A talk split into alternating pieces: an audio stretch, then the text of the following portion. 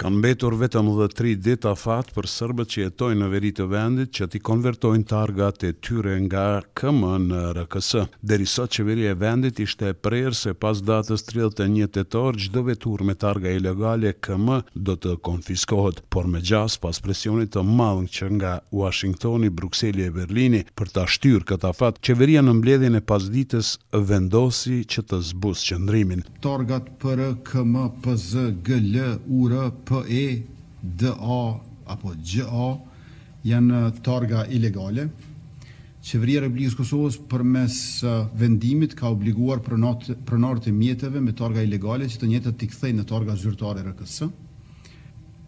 Tash ne kemi zhvilluar diskutime edhe të brendshme edhe me Ministrinë e Linjës dhe me organet e tjera të sigurisë, edhe kemi ardhur në përfundim që të sjellim për propozim një vendim i cili bën sekuencim dhe shkallëzim të sanksioneve me rastin e zbatimit të këtij vendimi.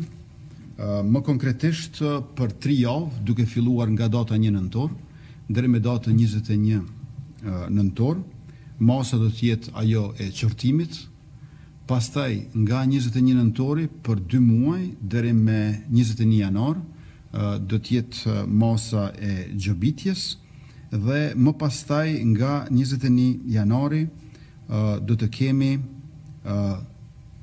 Targa provuese për dy muaj të tjerë, pas së cilës datë me njëzet e një prill nuk mund të ketë sepse nuk mund të lejohen targa të tjera në Republikën e Kosovës.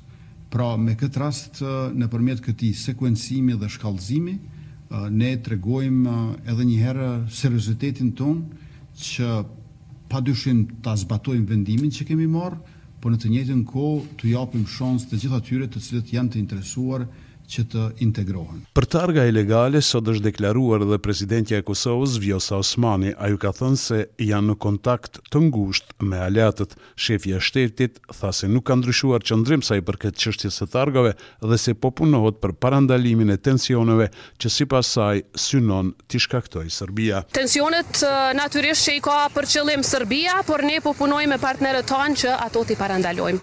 NATO ka thënë se është e gatshme të intervenojë në rast se cenohet stabiliteti në territorin e Kosovës. NATO ka thënë tutje se aktualisht situata është stabile dhe se nuk ka rritur prezencën e trupave të KFOR-it në veri, derisa konfirmon se ka monitorim të situatës. Ndërkaq, sot në Beograd, presidenti serb Aleksandër Vuçiq e ka pritur admiralin e NATO-s Rob Bauer me të cilin kanë diskutuar për sigurinë në rajon. Vuçiq ka thënë se paqja dhe depërshkallëzimi i situatës janë detyra kyçe për të gjithë. Ndonëse i ishte lejuar vizita nga autoritetet serbe, Zëvendëskryeministrit Besnik Bislimi i është pamundësuar vizita në Beograd për të marrë pjesë në Forumin për Marrëdhënie Etnike. Ai e ka kaluar kufirin, por është detyruar të kthehet siç tha ai rreth tetëdhjetë e pesë kilometra para mbërritjes në Beograd. Na është thënë se Serbia nuk mund të ofrojë sigurinë apo siguri siguria ka qenë e cenuar, që për neve është një sinjal që Serbia ende nuk është e gatshme të punojë drejt normalizimit. Është pak absurde që një konferencë Për sigurinë, Serbia publikisht të pranojë një, se ka elemente kriminale që duan të cënojnë sigurinë dhe dy, të pranojë se është e dobët për të ofruar siguri për pjesëmarrësit. Qeveria e Kosovës ka ndarë mjete shtesë për barnat e listës esenciale për qendrën spitalore në Prishtinë. Ministri i Financave, Hekuran Murati, duke dhënë hollësi për këtë mbështetje për sektorin e shëndetësisë, bëri të ditur se ka ndarë katër milionë euro shtesë për barnat. Bëhet fjalë për kërkesën e Shërbimit Spitalor dhe Klinik Universitar të Kosovës, që ka qenë kërkesë për ndarjen e mjeteve shtesë për sigurimin e barnave esenciale pra për deri në fund të vitit, për tremujorin e fundit. Bëhet fjalë për shumën prej katër milionë e dyqind mijë e njëqind euro. Projekti i drejtësisë botërore këtë vit ka renditur Kosovën në vendin e parë në Ballkanin Perëndimor për sundimin e ligjit. Këtë e ka bërë të ditur kryeministri Kurti përmes një shkrimi në. Twitter. Sipas World Justice Project, Kosova po ashtu ka zënë vendin e dytë në botë për përmirësimin më të madh në sundimin e ligjit gjatë vitit të kaluar. Kurti ka shkruar se kjo është konfirmim i pavarur dhe se reformat tona po funksionojnë me shpejtësi.